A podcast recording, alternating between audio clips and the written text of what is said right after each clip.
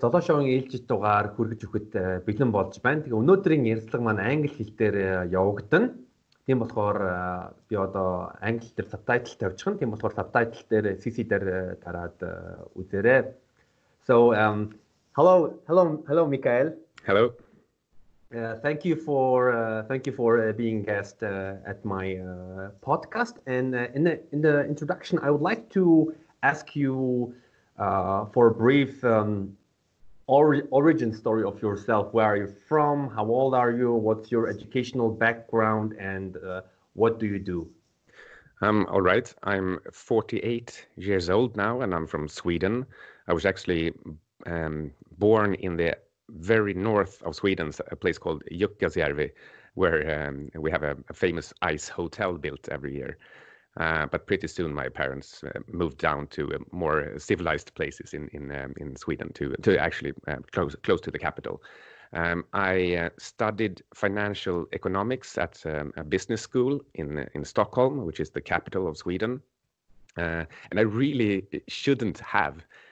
ended up there because I was always more interested in natural sciences like mainly physics, and, and I'm I still am. So I, I, do read a lot of quantum physics and uh, science fiction based on uh, quantum physics. I think that's an extremely interesting area, uh, both both quantum physics and uh, philosophy related to that. Anyway, um, I, I I was bullied in school and one of my main bullies, he really wanted to go to this business school because it's the it's the best school in in Sweden, and it's very difficult to get in. You you really have to have the absolute top grades in in everything. Um, and but but I, I I really wasn't interested in uh, economics or or uh, finance at all. I, I, just actually went there uh, to spite uh, him, my bully. um, um, not recommended to uh, to uh, choose your education based on that. But anyway, that, that's where I ended up. And um, after four years, uh, so I, I, went there 1990 mm-hmm. to 1994. Um, after even after those four years, I still really didn't understand what uh, the financial markets were. Sure, I, I did a little bit of, of uh, investing uh, in, in stocks, um, but I, but I still really didn't get the actual structure of the market or or what you really were supposed um, uh, to do. Um, but having having taken my my graduation in '94, uh, I um, uh, I ended up at a, a, small broker firm first as um, a broker's assistant, but but mm. very soon, just like after a couple of months, um, my employer realized that your kind of temperament that's not being a trader or, or a trader's assistant you really should be an analyst um, so an, an analyst goes through um, the P&L statements, that's profit and loss statements and, and balance sheets, and, and actually try to understand what does a company do and exactly how does it create value. Um, uh, so, so what you really want to, to answer is the question, if I pay a certain amount for a stock, exactly how, when, and from whom uh, am I supposed to get my money back? So, I mean, I need to get my money back in some way. So, either, for example, dividends from the company or selling um, the stock to somebody else. And then mm-hmm. they have the decision and, and, and problem of, of actually valuing what the company is, is really uh, creating. Um, anyway, so that was um, uh, I started um, uh, doing that in, in 1994. Mm-hmm. Um, and, and this was really a, like a, a low tier firm, so, so not a not a not a good place to uh, to work at. Uh, but but I, I didn't care and I didn't really understand that. However, I, I got really lucky because um, uh, somebody who did work at the same firm for a, a short while went on to a much better place, uh, one of the biggest banks in, in Sweden, one of the four big ones. And um, shortly after that, they wanted somebody who understood technology, so um, uh, consultancies and, and software. Uh, mm-hmm. so they hired me. Uh, they, they sim- simply gave me a, a, good offer and said, "Why don't you come and, and, work here instead? And, and you will be the head of the IT research uh, department."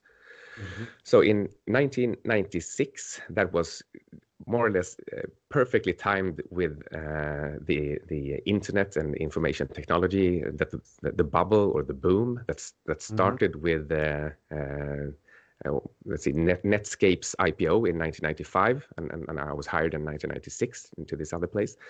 Uh, so for for four years between 1996 and um, and year 2000, perfectly with with the IT IT boom, I was the um, uh, IT research, well, head, head mm-hmm. of IT research at, at this big bank. Uh, but, but after uh, some time around the turn of um, of the millennium, I just felt that valuations they are so crazy. There is no way that uh, these companies can ever uh, create the kind of value that that we are paying for these companies. And and I was also starting to to grow tired of the business in general. I think that I, I, thought that the the hours were too long and and that what I was doing was meaningless. Um, mm-hmm. but but right right there, uh, actually more or less perfectly timed again with with the absolute peak of the bubble, I uh, accepted an offer from a hedge fund. Uh, I I uh, I think I signed in February 2000 and and the absolute peak of the of the internet bubble was in I think I think March nine March nine or something in in, in two thousand. Oh. uh, and uh, this this new place, um, they um, and I were all uh, pretty negative to the valuations on the stock market. So we we started mm. shorting. Uh, so um, selling companies in order to profit from mm-hmm. from um, falling falling stock prices. So we started doing that. Uh, excuse me, uh, some of our listeners they might not know uh, what's uh, a hedge fund. A hedge fund. Could you explain what's a hedge fund? Yeah, sure. Um, so a, a normal um, stock or, or equity fund that's just like a a basket of um, of various stocks, uh, and, um, uh, so the, the, the fund managers at, at, at normal fund they they um, take care of the client's money and buy and buy and sell sell stocks. Uh, a hedge fund is more or less the exact same thing. It's just that the regulations allow for a much wider set of instruments and, and strategies. Um, I, I, once uh, checked how many different hedge fund strategies there are, and there are about a thousand uh, actually distinct different strategies. So, so you, you can't you, you can't say uh, this is what a hedge fund is. Um, but uh, having said that, uh, our hedge fund was more or less um, what the original hedge fund actually was um, when, when they were created back in 1950s. Uh, and that's um, um, buying stocks only, so um, um, shares in, traded companies, uh, and going both long and short. So that means that both owning companies and um, uh, holding negative positions, so inverted positions in, in stocks, which means that if they fall, we will profit from from the difference between where we sold them and where we buy them back uh, again. So mm. it, it's really uh, shorting is, just it's exactly the same thing as, as buying and then selling. You just do it in the reverse order. Mm-hmm. Um, and and our hedge fund, um, we were not always hedged. Um, uh, if you're perfectly hedged, then you have uh, as many long positions as short positions. And, and that would mean, in, in theory, that um, it doesn't matter if the stock market as a whole goes up or down. Uh, you're just trying to profit from the difference between your longs and your shorts. Um, but but we had a, um, like like a, um, a freer mandate, so we were we could be very long, even even more long than the amount of money we had. So we could use leverage and, and be up to two times uh, as long as, as uh, the amount the amount of money we we um, managed. And we can also be um, about hundred percent net short, but we we never really um, we never used that mandate on on the downside. But for, a while we were sixty percent net short, uh, more or less entire year of 2008 which um, um, was a very good year for us. Uh, so, anyways, so I, I, worked at this hedge fund between 2000 and 2015. Um, and um, our fund got the prize uh, European Hedge Fund of the Decade for the years 2000 to 2009. Um, and that was in competition with about 4,000 uh, big European hedge funds um, over those uh, 10 years. So, uh, uh, wow, that's, yeah, that's very impressive. Um, I mean, there's of course a lot of luck involved, and there are a lot of decisions that had to be made, and and um, some some were more lucky than others, uh, but I, I, think we. Um, one of the things that um, that we uh, were lucky to get was that between 2000 and 2015, um, fundamentals and fundamental analysis, uh, it, it still worked because the market and valuations they um, they went up and down around some kind of a more or less um, reasonable valuation. But but after that, after let's say starting around 2000 and yeah, some, somewhere somewhere around 2013 maybe, then central banks started getting really crazy, just printing a lot of money, and stock markets just kept going up um, without um, the actual value creation in the companies mm-hmm. um, going up in, in, the same manner. So um, uh, the last last, uh, last few years. Um, so I I, I, um, I, quit the hedge fund in, in 2015. I, I, actually resigned in January 2014, but I but I stayed on for uh, at the fund to um, well make uh, clients uh, feel um, relaxed with um, well um, that, that, everybody was still at the at the fund. Uh, but but during my um, my retirement, if you will, last uh, last five years, I've I've just um, seen the stock market keep going up, valuations keep going up to just absolutely crazy levels. Um, and uh, I mean, it it seems as if central banks they they will keep doing uh, what they've done for for uh, well um, a pretty long time now, and they're just printing more and more money in a faster and faster tempo. Um, but this uh, coronavirus situation seems to have um, uh, at least put some kind of a break on where where stocks dare to go, even giving given uh, all, all, the quantitative easing. Um, so it's a, it's a uh, it's an interesting uh, situation, um, and uh, it's um, I, I, think that the, the only the only thing um, that I dare um, make a forecast of is that uh, volatility is here to stay. We will see uh, bigger and faster both rips on the upside and dips on the downside. Um, I, guess that that uh, the Mongolian stock market more or less mirrors whatever happens here or in, the U.S. Uh, and uh, well, if, if it has, you've seen the last two weeks how we can get 10% up days and 10% down days in, in Standard & Poor 500, the, the world's largest uh, stock market index. And that, that's just completely unheard of before, uh, at least in uh, uh outside war time. Yeah, and also what, what shocked me is, uh, and, and also uh, that might be a good question for you. So Italian stock market, like two or three days ago, it, it, it have risen by 16% like I was like flabbergasted. Like how is it possible? Yeah, I mean it's, it's and and if you look at just individual companies that that uh, well there are no news and uh, and uh, and they just go up or down by 25 percent. Um, and, it, it seems that liquidity is extremely low, uh, and that that I think that is because um, there's very little real money, actual uh, actually making any uh, investment decisions. So there are very few people actually using fundamental research and, and taking positions that they really believe in. Instead, there are um, momentum based strategies and uh, like what I call stupid money in um, um, just indexed funds that don't really care what they buy. They just, if they get uh, inflows or outflows, they just sell uh, without discrimination. They, they just they, well they, they have to uh, offload whatever they, they have in their portfolio, or they have to buy uh, the amount that, that they get inflow.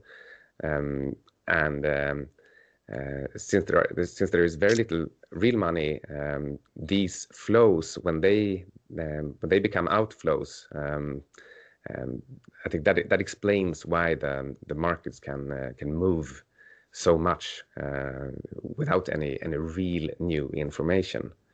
Um, and um, I mean, usually, in if, we look back to 2002 or 2008, for example, when we have a cyclical recession and stock markets um, in in um, US or, or, or, Europe, when they go down by let's say 50 to 60 percent over a couple of years, there are usually are a lot of pretty steep rallies, like 10, 15, maybe even 20 tradable rallies over those two years, while the stock market uh, in total go, goes down by maybe 50 or 60%.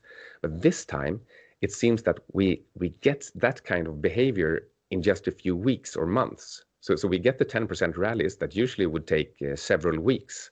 Mm. Uh, now we get them in one day, and then we go down again by 10% the next day. Um, so, so I think the um, uh, the machine and and uh, index and, and stupid momentum funds uh, they create the same kind of pattern but just compressed into a very short time frame. That that, that makes it very difficult for ordinary people to uh, to try to to keep up. And in in that situation, I think it's ever more important to focus on what the actual value is because uh, you really have to take um, an informed decision and then just stick to it. It becomes too difficult for most people to try to trade these movements. Mm-hmm. I, I, see. And uh, it was similar, uh, what you say, like uh, sudden rallies. Uh, it was also depicted uh, from uh, what I remember in John Kenneth Galbraith's book, The Big Crash. Mm, yeah, yeah.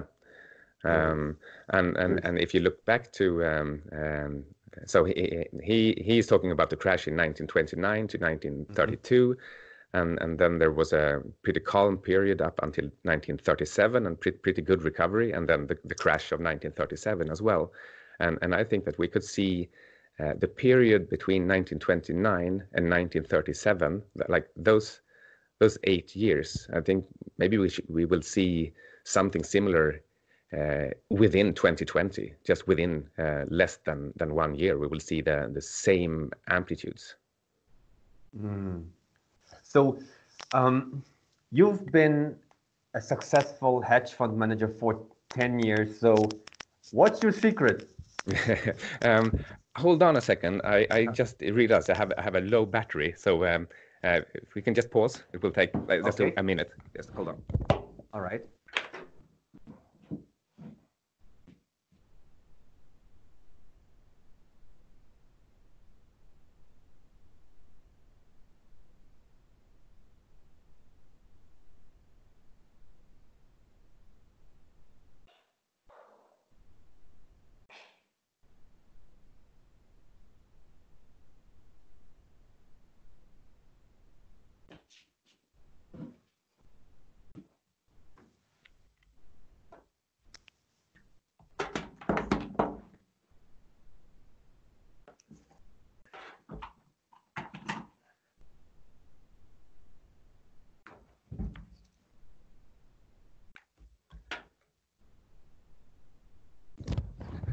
Uh, all right. Okay. So okay, we're secret... back. So, so what's the, what's the secret of running a successfully hedge fund for ten years? What's your secret? Um, I think that's um, well. Um, I um, was very focused on on actually understanding the companies. Um, I didn't want to uh, to trade movements, but rather um, uh, find um, a couple of, of, of, really good companies and investments that, that I could believe in, and uh, and then just be prepared for when I thought that the, the movements were unreasonable. So, um, for example, uh, if I thought that, um, uh, say, an IT company had a, a nice growth and, and a okay valuation, perhaps, then I would just um, uh, keep keep track of everything that affects uh, that that company and and just be prepared for um, just single days or weeks when just something uh, made the stock fall. Um, so it could be like um, just a, a, one week quarterly report. Uh, and, and if I thought that, well, people are misunderstanding uh, this just because, well, one week quarter doesn't really mean anything uh, in, in, in the um, in the big picture. Uh, so I would just be uh, like prepared to to jump in and, and buy things that that just suddenly falls with, for, for no reason. Um, however, that that would definitely not be enough of a strategy to uh, uh, to become the best hedge fund. Mm-hmm. Um, so um, uh, um, I, I, well I. I think in, in, in general, the, the most important thing that's really to control your risk levels. Um, you should never find yourself in a situation where you have to trade emotionally.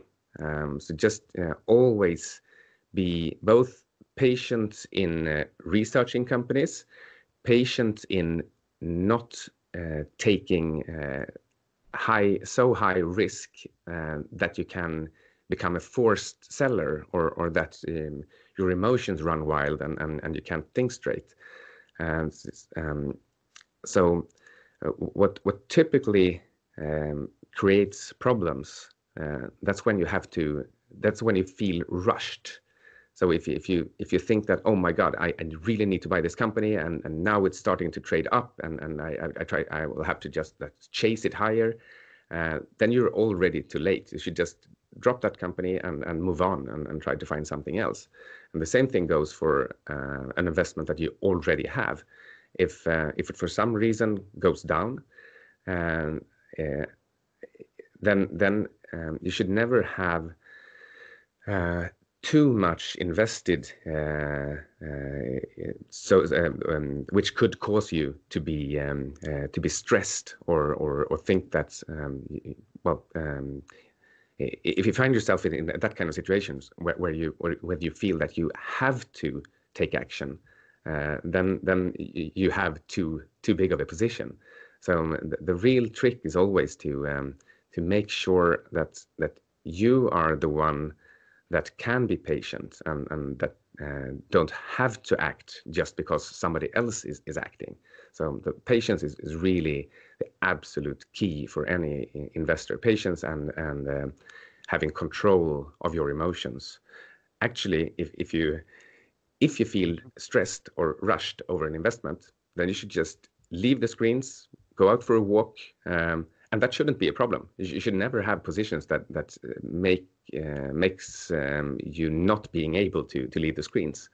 Uh, so just just take a walk, and, and, calm down, and then then go back again and, and see um, uh, what kind of of uh, analysis and, and, action would be um, the uh, the most reasonable one. Uh, so, so that, that's that's patience, and um, the maybe second most important is that you remember that I told you that there are a thousand hedge fund strategies. That really should tell you that almost any strategy can work if it's just implemented uh, in, in, a systematic manner where you keep Im improving. Uh, and and uh, to get there, you more or less just need just take any strategy and uh, keep taking notes of when and why you make an investment decision. Uh, and then you um, evaluate the decision afterwards, uh, both the actual outcome and uh, uh the, the, actual quality of the decision. Uh, were you right because you were lucky, or were you right because your analysis actually was correct? And, uh, and based on, on what happened, based on the quality of the decision and the quality of the outcome, you um, you should update your, your tactics and, and, and your, your, your strategy. So you, you keep updating a kind of a best practices list. Uh, often in the beginning, the, the notes uh, that you um, uh, that you uh, take down in order to be, be able to evaluate the, the um, investment uh, afterward, those notes are usually almost almost completely useless when you're a beginner. But uh, after um, after a while, um, I don't know, 10, 20 uh, investments, and um, uh, then you, then you start seeing the patterns of what what kind of information you really should put down and, and what's really important to to evaluate afterwards. And and then this is just a re uh, iterative process where you um, make an investment, evaluate, update your strategy, and then you just keep going uh, round and round in, in, in, that way. And, and after a while, you will you will have like a, um, a very concrete and short uh, list of things that you must check and, and or maybe should check before making um, uh, an investment. And uh, I think that what, what most people and other hedge funds, actually mm-hmm. like professionals, what, what they their mistake is thinking that they can just rely on um, their original strategy without updating it. And, and, and uh, that doesn't work because the market is reflexive, it, it keeps changing. Um, uh, just because there are uh, people trying to, uh, to to beat each other in the market, so that means that the actual market's functioning it, it keeps keeps changing, um, and and therefore you have, will have to uh, to change your strategy with it. Uh, there's actually a book. It's called um, more money than God, and uh, it's great, about great book. Great book. Yeah, yeah, definitely. But it it it, it um, runs through maybe like um, six or seven different hedge fund strategies over the of the years, and it really tells you how. Um, uh, new kinds of strategies um, worked in in in, uh, uh, in maybe five or ten years, and then, then it was time for for somebody else to find uh, like a kind of a loophole in in the market. Um, and um, yeah, well, if you if you read that book, you you um, you really get to to know how um, how important it is to um, uh, to just update your strategy. Mm. The same author, he wrote a book also on uh, on hydrofracking, hydrofrackers. Mm, mm. Yeah, I haven't read that one, but, but I'm, I'm sure it's good. I mean, it's a, it's, a, it's yeah. a really really good writer, I think. Yeah, yeah, more money than God. It's a really great book, and like especially everyone, uh, anyone who is interested in hedge funds uh, can uh, can read can read that book to understand what is a hedge fund and also uh, all those um, uh, all those uh, explanation on different like hedge fund managers, like like the manager of of Tiger Tiger Fund, Stanley Druckenmiller, and all those big guys. You can learn from this book. So, what do you think? In general, what type of people or hedge funds make money? Um, like these days, the, the, I mean, the absolute best hedge fund it's uh, uh, Jim Simons uh, Renaissance Capital, Renaissance. And, and that's a mm-hmm. that's a model-based hedge fund um, where uh, they just try they try to find patterns, not valuations. Uh, so so um, uh, and, and that's a little bit disturbing that that is the absolute best hedge fund of all time, I would say. I mean, there are a couple of ones that are, that are a lot bigger uh, and that also have um, like created a lot of value for for their um, uh, their investors, uh, but that really don't uh, show the same kind of impressive and uh, consistent returns month after month. Um, so uh, unfortunately, there is really no way to try to copy or, or beat Renaissance. I mean, they they they have uh, they are the absolute number one in the in this game, and and to beat them, you would have to hire hundreds and hundreds of PhDs and and, and try to uh, to find uh, the same kind of patterns that they do, and then uh, and um, on top of that, you have to um, be even faster than they are. So that that's that's more or less an impossible task, I would say. Um, but yeah. um, but what I think is coming uh, into vogue again will be actual uh, fundamental based uh, long short equity hedge funds.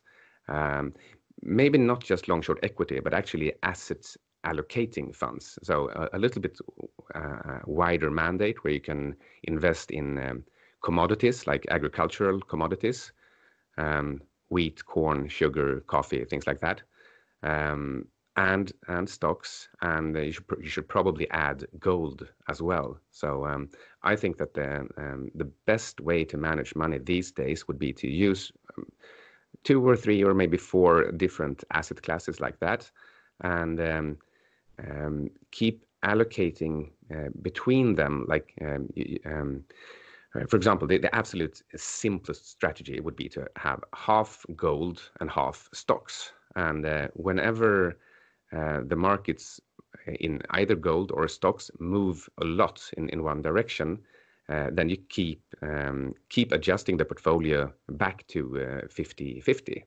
and and uh, that kind of super simple strategy that creates a lot better uh, risk reward uh, characteristics for a portfolio than either gold would have or or stocks. Um, but but I really think that the the key going forward that will be actual uh, fundamental analysis of what the companies are are actually worth. And um, mm. well, I'm, I'm, uh, that hasn't really worked in, in the last five years. It's it's been I mean the market has just been crazy. But I, I think that that kind of strategy will come back into vogue now, and there are so few people and so few funds um, prepared for that uh, that I think that it will actually be uh, pretty easy to uh, to do it and, and to find bargains because um, yeah uh, people have become uh, uh, used to um, to just buying momentum and buying the dips and, and they don't really know how to how to do actual analysis. Mm-hmm. I see. So what's the what's the percentage of hedge funds making money and hedge funds losing money? Um, I, I really wouldn't have any idea. I mean, there there are uh, more than ten thousand hedge funds, and uh, I think that there are about a thousand new ones every year, and about a thousand that that actually uh, uh expire and, and, go bankrupt or, or just um, hmm. well uh, quit quit the business. So it's really difficult to, to keep track of all, all these funds. Um, uh, so I don't have any any updated numbers on, on how many are, are profitable, but but my expectations, and I, I think that uh, most research shows that um, uh, they they really don't add much value at all. So it's it's just like uh, an average of the market, more or less.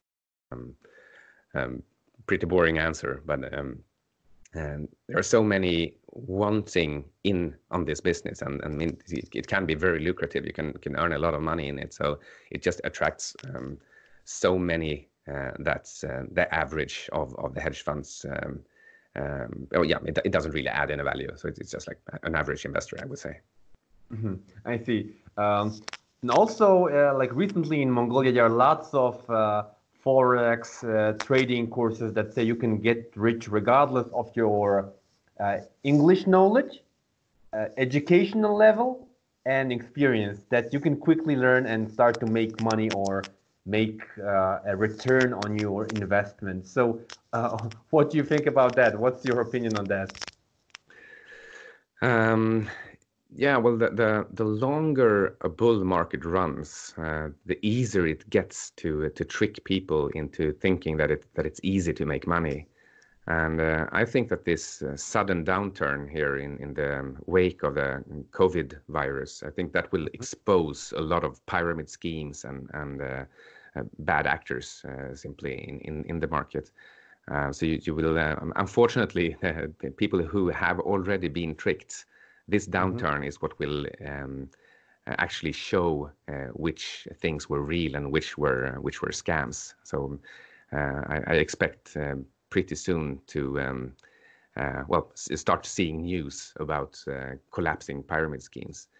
Um, unfortunately, I mean, since most people are not educated in how to um, analyze things for real. Um, I mean, most people don't even actually know that there is such a thing that you that you can uh, do that kind of research. Uh, so they just think that the market is some kind of a, a game, like a um, uh, almost like a casino. You, you you buy things and you hope that they go up, and and you don't really know what's what's behind it. And and uh, because of that, it's it's much easier to uh, to fall prey to those kind of of, of scams. Mm-hmm. So I, I, think that what what what's um, um, I mean, I, I, really think that there should be some kind of a investment class or something like that in, in school. It should should be mandatory. I mean, it, it, rather than just teaching mathematics or, or uh, ju- just like cold mathematics or, or, or, social sciences or things like that, I think you, sh- you should uh, take the opportunity when you actually have the students in class to uh, um, to teach them uh, investing and, and teach uh, analysis of of of, um, of, companies and of values, because I think that would make it easier to um, uh, to actually learn, for example, mathematics, because it's much more interesting, and you, and you know that there is there is actually um, there's actually a, um, a practical use for it, and, and that would make people more prepared for um, uh, for not uh, falling for these uh, these scams. Mm-hmm. Um, so so um, I mean j- just uh, if, if, typically if, if somebody says uh, it's easy or that uh, they promise 20% returns every year and, and it seems like there there's no risk then then I mean those kind of uh, uh, investment uh, opportunities they really don't exist. So, so, if it sounds too good to be true it usually is. And, and that's where you really need to go to the actual numbers and see okay so how is this value supposed to be created? You can't you can't really you can't just take the sales guys numbers um, uh, uh, at face value. You have to look at the, the actual officially reported uh, uh, statements of, of um, profits and loss and, and balance sheet. Mm, i see. So uh, question for you. So let's say uh, you are 24 years old a fresh graduate with $1000 in savings. What would you do with that money and why? And uh, just assuming you have your uh, current knowledge. Um, well, um, given um, how the markets are, doing right now, I would I would put most of it actually in uh, gold. Um, probably not physical gold because um, it can be difficult to store in, a good way. But you could buy some kind of an exchange traded fund, an ETF, with uh, that is backed by the actual same amount of physical gold. And, and, and that is really key. It, it, can't just be some kind of a bank certificate that promises the same return as gold, because then they don't actually have the gold, and, and that, that would be a risk. So the, the largest one, it's, it's called GLD, in, in, and that's trading in the in the US. That that's actually backed by, by physical gold. And there's one called Phys as well, P-H-Y-S, and there are a couple of ones in, in, in Europe. It maybe sounds bore, boring to, to just own uh, gold or, or maybe maybe gold mines, uh, like Newmont Mining, one of the uh, world's largest uh, gold mines. Um, but but I, I really think that we are we we will be going through a, a period here with uh, extreme volatility and uh, a bias on the downside. So I just want to um, um, be be protected against whatever the central banks and and uh, uh, politicians are, are doing because they will print a lot of money and try to to save the economy and try to save the stock market. Um, but but I think that's uh, it's it's it's too late for that, and and their money printing will instead uh, cause uh, the price of precious metals like gold to, uh, to well keep keep rising over the next several years. And maybe maybe they will manage to to get the stock market up as well, but I think gold will go up more than stocks. Um, but after a while, um, when the markets has reached a low enough level relative to gold, um, so it's a question of the relative prices. So if gold is trading at uh, 1500 now, and let's say that uh, the stock market, just for simplicity, is also trading at 1500, then mm-hmm. then I expect that maybe sometime in in a couple of years, gold will be at 3000, and the stock market, I mean, it could still be at 1500, or it could could go up maybe to 2000, uh, mm-hmm. or maybe even go down to a thousand. But but the, the the important thing is that I think gold will rise more than whatever the stock market is doing. And that means that in a couple of years' time, you can exchange your gold for more units of the stock market because that really should be the goal, the end goal in, in, the end. You want to own stocks because those represent companies and companies are growing and are a part of the economy and that, that's where the value is created. And gold is not creating any value.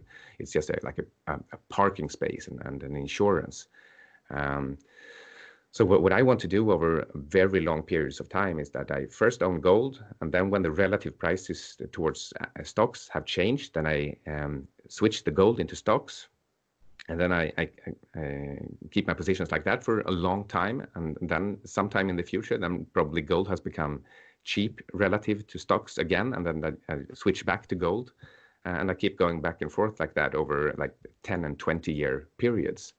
Um, uh, maybe it, it's uh, a little bit of a difficult strategy for, for somebody who who's not familiar with these and, and, and don't really know what they're doing.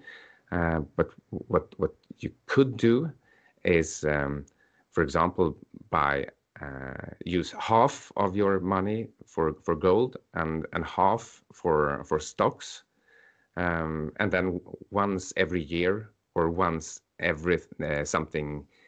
Uh, if there if there are large relative movements uh, within mm-hmm. a year, then you just keep realigning back to to 50-50, uh, and, and and keep doing that until uh, the stock market has uh, calmed uh, down a little bit, and then you could go all all, all in on, on stocks. Mm-hmm. I see. And um, uh, my last question is like, what are your three best uh, books uh, on personal finance and investing that you would recommend? Mm, I think that well, we, we mentioned more money than God. God. Mm-hmm that doesn't really teach you how to to buy and sell stocks and, and evaluate them, but it, but it's a very good um, book from a psychological standpoint. Mm-hmm. And and then we have um, the most important thing by Howard Marks. Um, it um, it goes through. I, I, think it's twelve or maybe nineteen most important things. Maybe maybe even a, a little bit more, something like that at least in in their um, order of, of around twenty um, and uh, it's um, also mostly a, a psychological uh, view on, on how to do investing, but it, but it really tells you how to manage risk, what risk actually is, and, and how to think about your, your um, investments. Um, you know that I, I wrote a book about my um, my time yes. at, at Futuris. Uh, it's, it's, called the Retarded, Retarded Hedge Fund Manager, and uh, what I do in that in that uh, PDF, which is for free, uh, it's 150 pages, um, and um, I go through all the 69 important investment decisions we we made over um, uh, 15 uh, years, and uh, and I also explain uh, all the the lessons that I learned. I, it's 50 different lessons, and, and then I distill those into um, 12 um, like separate um, um, what would you call it? Well, uh, 12 um, type of rules, uh, and, and those are also then grouped in, in, in four kind of um, uh, like super psychological traits or, or, or, lessons. So I actually think that that my my my book is um, it's very telling uh, how it actually feels to uh, to live with a portfolio and, and, and live with making these investments in, in real time. So it's, it's, um, uh, it's really candid and, and, and, open explanation of, of everything we made right and everything we made wrong and, and in uh, chronological order. So I, I, think I really think you could, could read that. Uh, and I've also written a, a, book which is only about like 60 pages, mm-hmm. which is an even more focused way of, of uh, talking about the, the lessons that I learned. It's called uh, TAOS, The Art of uh, Sprezzatura. Uh, if you don't have it, I, I can send it to you. Uh, but let's see, it'll be a little bit more serious about uh, actual other people's books. Um, hmm.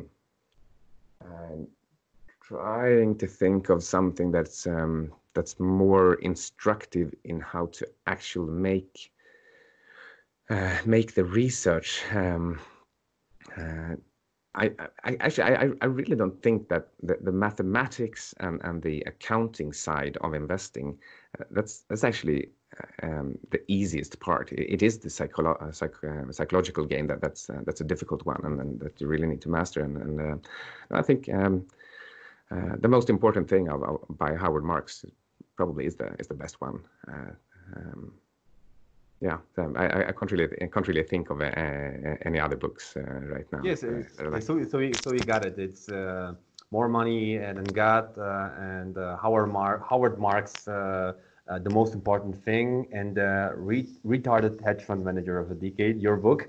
Mm, yeah, yeah. Brilliant. And Uh, Carl Michael, I would uh, really uh, say thank you for uh, talking with me and sharing with all your all your all your knowledge. Um, and uh, thank you very much. I wish you uh, all the best, and I hope you will soon get well with your fever. Yeah. All right. Thanks a lot. Yeah, I think I'm I'm more or less cured already.